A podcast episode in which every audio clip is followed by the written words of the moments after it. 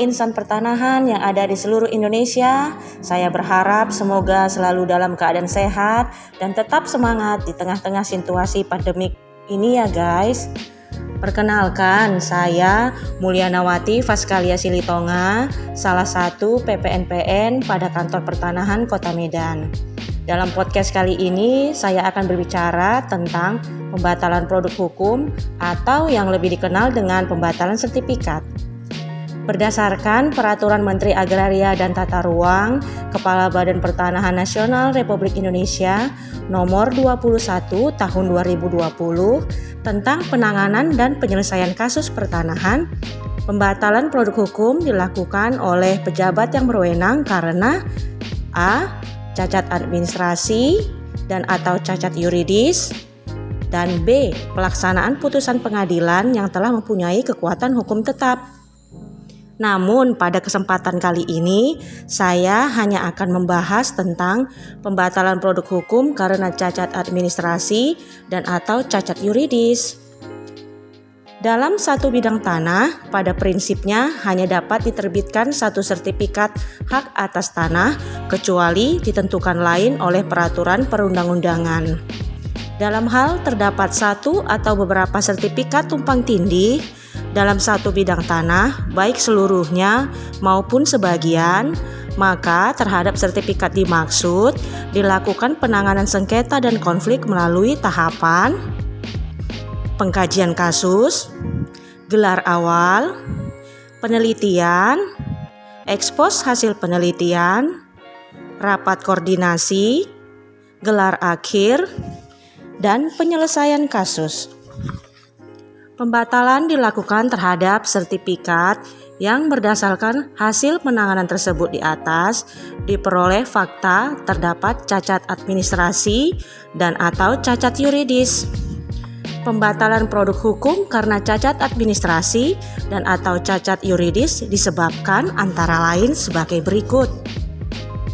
Kesalahan dalam prosedur atau proses penerbitan hak atas tanah, pendaftaran hak dan proses pemeliharaan data pendaftaran tanah. Kesalahan dalam prosedur atau proses pengukuran. Kesalahan dalam proses atau prosedur penerbitan sertifikat pengganti. Kesalahan dalam proses atau prosedur penerbitan sertifikat hak tanggungan. Kesalahan penerapan peraturan perundang-undangan. Kesalahan subjek hak. Kesalahan objek hak.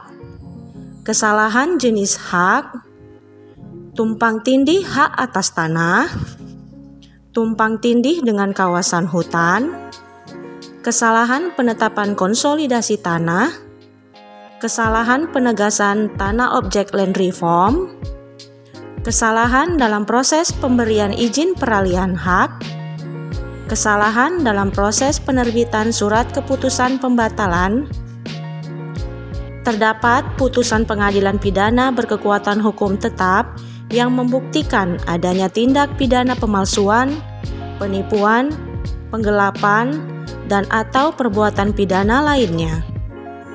Terdapat dokumen atau data yang digunakan dalam proses penerbitan sertifikat bukan produk instansi tersebut berdasarkan surat keterangan dari instansi yang bersangkutan terdapat putusan pengadilan yang dalam pertimbangan hukumnya terbukti terdapat fakta adanya cacat dalam penerbitan produk hukum kementerian dan atau adanya cacat dalam perbuatan hukum dalam peralihan hak tetapi dalam amar putusannya tidak dinyatakan secara tegas. Usulan pembatalan produk hukum karena cacat administrasi dan atau cacat yuridis harus memenuhi persyaratan sebagai berikut antara lain surat permohonan atau surat pengaduan, fotokopi identitas pemohon yang dilegalisir dan kuasanya jika dikuasakan.